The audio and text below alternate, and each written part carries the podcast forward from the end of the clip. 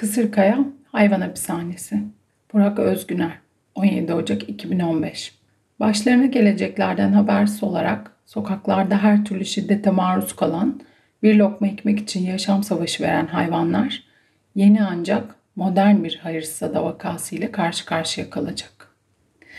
Sarıyer Kısırkaya'da 20 bin köpek kapasitelik dev bir hayvan bakım evi yapıldığını 10 Ocak 2014'te Orman ve Su İşleri Bakanı Veysel Eroğlu'nun basına verdiği demeçten öğrendim. Bakan Eroğlu, hayvanlar kimliklendirilecek, sahipsiz hayvan olmayacak, artık sokakta hayvan kalmayacak. Öncelikli olarak şimdi köpekler toplanacak, sonra kediler diyerek yüzyıllardır sokaklarda bizlerle yaşayan ve sokaklarda yaşam savaşı veren kent hayvanlarının tecrit edileceğinin müjdesini veriyordu. Toplama kampı yüzünden İBB ile davalık olduk. Bu toplama kampından haberdar olduktan sonra inşaat alanına gidip yerinde görmeye karar verdim. Kızırkaya'nın köy meydanına geldiğimizde hemen karşımızda bulunan ve 720 hektar gibi çok büyük bir alana yayılmış olan Kızırkaya plajının hemen yanına konumlandırılmış dev bir toplama kampının inşa edildiğini gördüm. Kesinlikle Auschwitz'i andırıyordu. Tesisi görür görmez orada neler olup biteceğini hayal ettim ve tesisin çok kısa bir zaman içerisinde açılışının yapılacağını bizzat Bakan Eroğlu'nun ağzından duyduğum için modern bir tecrit alanı haline gelecek bu tesisin durdurulması için bir şeyler yapmaya karar verdim. Trilyonluk bütçeli olan bu projenin iptal edilemeyeceğini bile bile bu ülkede hukuka, adalete inanmayan birisi olarak. Bu devasa hapishanenin inşasının başlangıcındaki niyet teşhir edilmeliydi. Öte yandan söz konusu tesisin hayvanlara getireceği felaket konusunda kamuoyu bilgilendirilmeli, toplumsal bir tepki oluşturulmalı ve de inşaatın yürütmesinin durdurulması, iptali konusunda tüm iç hukuk yolları tüketilmeliydi. Kendi adıma bu toplama kampının durdurulması için elimden gelen her şeyi yaptığımı düşünüyorum. Şu anda ise inşaat hemen hemen bitmiş durumda. Hayvan Haklarını Koruma ve Geliştirme Derneği adına söz konusu tesisin yürütmesinin durdurulması ve iptali için Bölge İdari Mahkemesi'ne başvurduk ve İstanbul 6. İdare Mahkemesi'nde şu an görülmekte olan bir dava var. Arazi ve bölge koşulları hakkında hiçbir teknik bilgisi olmayan mahkeme İBB'nin savunmasını aldıktan sonra bilirkişi heyeti dahi tayin etmeden yürütmeyi durdurma talebim için red kararı verdi. Tüm mevzuat hükümleri alenen yürütme, yürütmeyi durdurma kararı verilmesini gerektiriyorken mahkeme bunu görmezden geldi. Ayrıca İstanbul Büyükşehir Belediye Başkanı Kadir Topbaşı da kamu görevlileri etik kuruluna şikayet ettik. Ettik ancak geçtiğimiz günlerde bu şikayetimizin akıbeti hakkında bilgi almak istememiz üzerine ilgili kurum, kurum tarafından kendilerine böyle bir şikayetin yapılmadığı tarafımıza bildirildi. İstanbul Büyükşehir Belediyesi Veteriner Hizmetleri Müdürü Muhammed Nuri Coşkun ile İBB barınaklarındaki sorunlar hakkında görüşmeye gittiğimizde söz dondu dolaştı ve Kısırkaya toplama kampına geldi. Kendisi açmış olduğum dava neticelendiğinde kısa bir zaman içerisinde söz konusu tesisin açılışını yapılacağını söyledi ve bu merkezde hayvanlara ne gibi hizmetler verileceği hakkında bilgi verdi. Müdür beyin iyi niyetini sorgulamayacağım. Ancak İstanbul Büyükşehir Belediyesi'nin tüm yerel yönetim dönemlerinde sokak hayvanına bakış açısını bilmeyen yoktur hayvan hakları savunucuları olarak gerek 2004 senesinde yasalaşan hayvanları koruma kanunu öncesinde gerekse kanun sonrasında İBB'ye karşı sokak hayvanları için verdiğimiz mücadele hiç de yok sayılabilecek gibi değil. Ormanlara toplu köpek atmalar, sürgünler, sistematik hak ihlalleri, kısırlaştırma adı altında soykırım, toplu ölümler, barınakların içler acısı hali, toplama ekiplerinin barınak personelinin hayvan haklarına ve mevzuata aykırı davranışları, saymakla bitmez. İBB'ye ait hastal barınağında ise bir gecede 70'e yakın yavru köpeğin sadece bir şüphe uğruna boğazlanmasını da unutmadık, unutamadık. İstanbul genelinde İBB bakım evlerini yani barınaklarını incelediğimizde kamuoyunda hakim olan algının aksine bu tesislerin hayvanlar için lüks bir pansiyon olmadığını kolaylıkla görebiliriz. İBB 200 köpek kapasitelik barınağında dahi barınağa kapatılan ya da kısırlaştırmak için sırasını bekleyen hayvanların takibini yapamazken sayıları binlerle ifade edilecek hayvanların takibini nasıl yapacak? En başta aklıma takılan soru bu. Bu dev toplama kampında görev yapacak personelin hiçbirisinin bir barınak gönüllüsü gibi hayvanlara duyarlı bir yaklaşımla yaklaşmayacağını, barınakların genelde işçiler için sürgün yeri olması dolayısıyla iş olarak görülen hayvan bakımının, temizliğin ve hijyenin gerektiği gibi yerine getirilmeyeceği de ortada. Kent yaşamından koparılan, insanlarla sosyalleşmiş ve yıllardır bu şekilde yaşayan binlerce köpekten söz ediyoruz. Ve İBB'nin şu anda işlettiği birçok barınak kapatılarak bu tesislerdeki hayvanlar Kısırkaya'ya nakledilecek. Yıllardır mahkemelik durumda olan ve metan gazı depolama sahası içinde yüksek gerilim hatlarının altında bulunan hasta barınağı da Kısırkaya'ya nakledilecekmiş. Hastalığın şu anki faaliyette zaten mevzuata uygun değil. İl Orman ve Su İşleri Müdürlüğü mevzuattaki barınak kriterlerine göre hastalığı sözde denetliyor. Geçtiğimiz sene 5199 sayılı Hayvanları Koruma Kanunu değiştirilmesine dair kanun tasarısı meclisteki ihtisas komisyonu olan Türkiye Büyük Millet Meclisi Çevre Komisyonu'nda görüşülürken toplantılarda gözlemci ve temsilci olarak bulunan hayvan hakları savunucuları ve aktivistler olarak ciddi efor sarf ettik. Orman ve Su İşleri Bakanlığı tarafından hazırlanarak Başbakanlığa sunulan yasa tasarısına yer alan doğal yaşam parkları diye anılan toplama kamplarının kurulması düşüncesi hepimizi oldukça tedirgin etmişti. Doğal yaşam parkı tartışmaları yaşanırken Bakan Eroğlu İstanbul'un her iki yakasında Kocaeli ve Trabzon'da pilot uygulama olarak örnek bakım evleri açılacağını duyurdu. Bu tedirginlik yerini büyük bir tepkiye bıraktı ve hayvanlardan yana saf tutan on, on binlerce insan sokağa döküldü. Bu yoğun tepki karşısında bakanlık tasarısındaki doğal yaşam parkı ibaresi kaldırıldı. Zaten bu tesislerin tasarıda tanımı dahi yapılmamıştı. Toplama kamplarının nerede, ne şekilde inşa edileceğine dair en ufak bir hüküm dahi bulunmuyordu.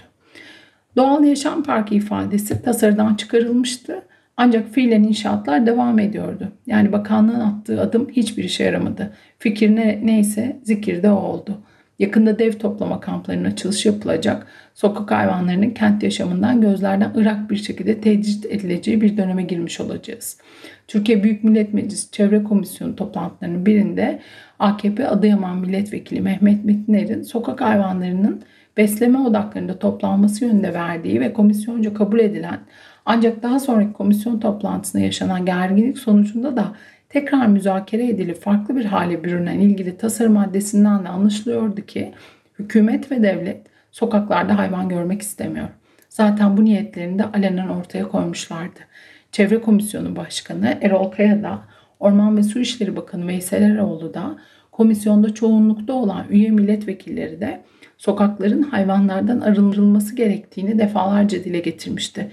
Milletvekilleri ne yani AB gibi biz de uyutalım mı bunu mu istiyorsunuz? Biz barındıracağız, besleyeceğiz diyerek üstü kapalı olarak bizleri tehdit etmekten de kendilerini alıkoymuyordu. Ne de olsa erk sahibi onlardı. Tüm Türkiye'deki hayvanların kaderi bu muktedirlerin elindeydi. Rant ve kentsel dönüşüm için kılıf hazırlandı. Tüm yasama sürecini izlediğimde hayvanlar üzerinde oynanan oyunun aslında kentsel dönüşüm ve son derece ciddi bir rant getiren inşaat sektörünün bir parçası olduğunu ve endişelerimizin oldukça haklı olduğunu görüyorum. Süreci izleyecek olduğumuzda 1. 25 Haziran 2010 tarihinde değiştirilen 6831 sayılı Orman Kanunu'na eklenen savunma, ulaşım, enerji, haberleşme, su, atık su, petrol, doğalgaz, altyapı, katı atık bertaraf ve düzenli depolama tesislerinin baraj, gölet, sokak hayvanları bakımı ve mezarlıkların devlete ait sağlık ve eğitim ve spor tesislerinin ve bunlarla ilgili her türlü yer ve binanın devlet ormanları üzerinde bulunması veya yapılmasında kamu yararı ve zaruret olması halinde gerçek ve tüzel kişilere bedeli mukabilinde Çevre ve Orman Bakanlığı'nca izin verilebilir. Devletçe yapılan ve veya işletilenlerden bedel alınmaz fıkrası ormanların bakım evi olarak kullanılmasının önünü açmıştı. Sadece bakım evi olarak değil birçok alanda ormanların kullanılması mümkün kılındı. 18 Nisan 2014'te resmi gazetede yayınlanan Orman Kanunu'nun 17'ye 3 ve 18. maddelerinin uygulama yönetmeliği de yine hayvan bakım evinin yanında patlayıcı madde deposuna kadar birçok tesisin ormanlar üzerinde yapılmasına izin veriyor. 2. Orman Kanunu'na paralel olarak 16 Mayıs 2012'de bugün kentsel dönüşüm kanunu olarak anılan 6306 sayılı afet riski altındaki alanların dönüştürülmesi hakkındaki kanun kabul edildi. Bu kanun Çevre ve Şehircilik Bakanlığı üzerinden Büyükşehir Belediyesi ve Afet ve Acil Durum Yönetim Başkanlığı gibi büyükşehir alanının tümüne müdahale edecek birimleri yetkili kılarken uygulama alanları adı verilen alanların belirlenmesini ve hazineye devredilmesini TOKİ aracılığıyla gerçekleştirilmesini öngörüyor. 2012'den bu yana İstanbul'da 27 alan ve ilçe afet riski altındaki alan ilan edilirken bu alanların iyileştirilmesi, tasfiyesi, yenilenmesi süreci sokak hayvanlarının belediyeler eliyle zehirlenmesi, toplatılması ve uzaklaştırılmasını da barındırıyor. Sarıyer Kısırkaya'da inşası devam eden tesisle de belirlenen bu afet alanlarından toplatılan zorla yerinden edilmiş on binlerce köpeğin şehirden uzak bir alanda toplanması öngörülüyor. Böylece TOKİ'ye ve idareye bedelsiz olarak devredilmesi planlanan büyük bir arazide 100 köpekli barınakların bile denetim sorununa çözüm üretemeyen yerel yönetimler devreden çıkarılacak. İBB ile işletilen bütün şehir alanındaki hayvan toplamalarının hızlandırılması, ulaşımı ve denetimi imkansız bir itlaf merkezinin işler hale getirilmesi planlanıyor. 3.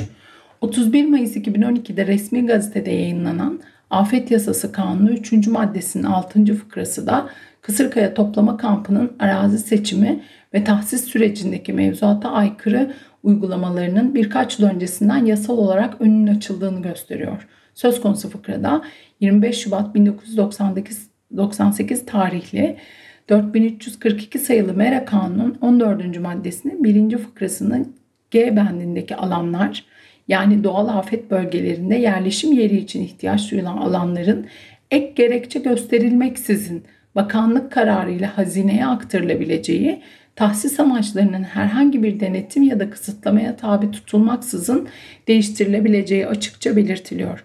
Dolayısıyla tahsis amacındaki değişikliği esnek kılarak arazinin bundan sonraki kullanım amaçlarının da değişebileceğini, örneğin bu arazinin hayvan itlaf tesisi olarak kullanılmasını ve hatta tüm hayvanların yok edildikten sonra bambaşka bir tahsis amacıyla TOKİ'ye devredilmesini de yasal hale getirmiş oluyor. 4. Kısırkaya'daki toplama kampının inşa edildiği alan ve yanı başındaki plaj doğrudan afet alanı olarak ilan edilmiş değil. Ancak arazinin dahil olduğu geniş ormanlık alanın imara açılmış olması ve Kısırkaya köyünün en yakınındaki mahalli yerleşim olan Çamlıtepe Derbent Mahallesi'nin Çevre ve Şehircilik Bakanlığı'nın 17 Aralık 2012 tarihli ve 2200 sayılı yazısıyla geri görünüm ve etkilenme bölgesi sınırları için içerisinde dahil edilmesi Kısırkaya toplama hayvan toplama kampının inşasının kuzeyde Kısırkaya plajından başlayarak Belgrad ormanlarının büyük kısmını içine alan ve Sarıyer merkeze doğru genişleyen uluslararası sermaye, yatırım ve inşaat ihaleleriyle büyüyen ve bölgede yoğunlaşan sermaye birikiminden ayrı düşünülemeyeceğini bir kez daha gösteriyor. 5. Bu ayın sonunda Türkiye Büyük Millet Meclisi'ne gelmesi beklenen torba yasa içinde imar kanunu, yapı denetimi hakkında kanun, İskan Kanunu, Kültür ve Tabiat Varlıklarını Koruma Kanunu, Çevre Kanunu, Kat Mülkiyeti Kanunu, Belediye, Belediye Gelirleri Kanunu, Türk Mühendis ve Mimar Odaları Birliği Kanunu'nda değişiklik öngörülüyor.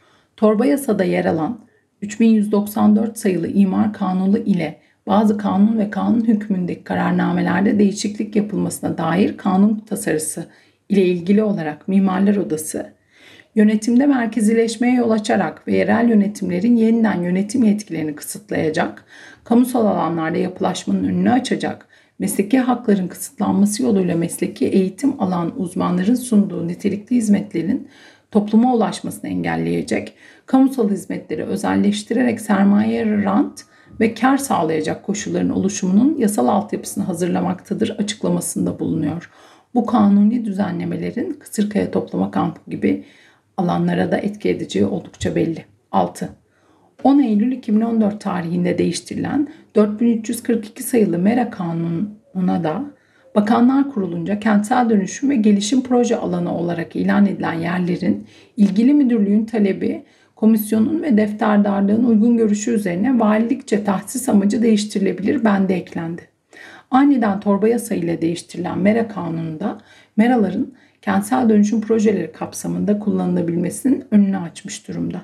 Kısırkaya toplama kampının arazisi de statüsü değiştirilen bir mera. Arazinin 1 kilometre ilerisinde ise 3. köprü yol güzergahı bulunuyor. Kısırkaya'ya komşu olan Gümüşdere'deki Merava tarım alanlarına da bazı sermaye gruplarının göz diktiğini hepimiz biliyoruz. 7. 2012 yılında ise Orman ve Su İşleri Bakanlığı'nca hazırlanarak Başbakanlığa sunulan bizlerin tüm eleştiri, görüş ve önerilerine rağmen ısrarla tatmin edici bir şekilde düzenlenmeyen hayvanları koruma kanunu değişikliği tasarısı da bakım evlerinin kurulmasını kolaylaştırıyor. Özellikle orman kanununun ve mera kanunun değiştirilmesi bu düzenlemelerden önce de ormanlık alanlarının madencilik gibi endüstri kollarında tarım vasfını kaybetmiş arazilerinde farklı tasarruflarda kullanılmasının kanunen önünün açılması, yaban hayvanlarının yaşam ortamları, yeşil alanlar ve tarım arazileri üzerinde ciddi bir tehdit oluşturuyor. Şu an Türkiye Büyük Millet Meclisi Genel Kurulu gündeminde bulunan yasa tasarısında hayvan bakım evi izinlerinin belediyelerce verilmesi öngörüyor. Malumunuz Türkiye'de belediyeler sayısız usulsüz, ihtilaflı, hukuk dışı birçok projeye ruhsat veriyor. Adeta hayvanların doğal yaşam ortamlarını ve yaşam alanlarımızı inşaat sektörüne peşkeş çekiyor. Son dönemdeki kanuni düzenlemelerle de hayvan bakım evlerindeki hayvanlar bu hırsın ve doyumsuzluğun kurbanı olacağı benziyor. Hayvan bakım evi kelimesi de bir kılıf olarak karşımıza çıkacak. Yine aynı bakanlığın tasarısında tüm eleştirilerimize rağmen hayvanat bahçelerinin de kurulması teşvik ediliyor. Özel hayvanat bahçelerinin açılabilmesi için dahi devletçe arazisi tahsisi yapılabileceği öngörülüyor. Halbuki mevcut hayvanat hapishanelerindeki durum hayvanlar açısından içler acısı. Hayvanları birincil derecede ilgilendiren yasama çalışmalarında dahi hayvanların değil insanların imtiyaz sahibi sermaye gruplarının çıkarları gözetiliyor. Mesela İstanbul Tuzla'da 120 milyon 750 bin TL teklifle Bayraktar Kardeşler İnşaat Tahayyül Ticaret AŞ tarafından inşası sürdürülen ve bünyesinde bir Yunus Parkı'nda bulunduran dev marina projesinin arazi tahsisinin ne şekilde yapıldığı ayrı bir merak konusu. Sözde hükümet Yunus Parklarının kanun değişikliğiyle yasaklanacağını duyurmuştu bir de.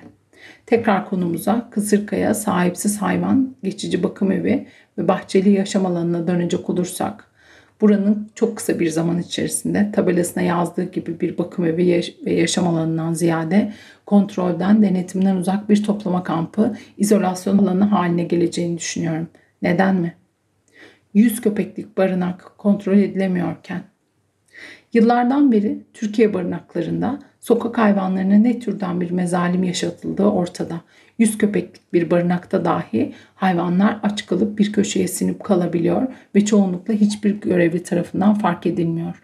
Yeterli ve gerektiği gibi tedavi yapılmadığından sağlık personelinin mesleki deneyimsizliği, yetersizliği ve klinik imkanlar çok kısıtlı olduğundan salgın hastalıklar nedeniyle birçok hayvan hayatını kaybediyor. Kısırlaştırılan hayvanlar buz gibi ıslak, beton zemine çuval gibi atılıyor. Mahallemizden kaybolan bir köpeği aramak için İBB barınaklarını gezdiğim sırada anesteziden çıkmak için mücadele eden sokak köpeklerinin ölüme varabilecek kadar vahim durumunu bir İBB barınağındaki veteriner hekime bildirdiğimde adam sıcak ofisinden dışarı çıkma zahmetinde bile bulunmamıştı.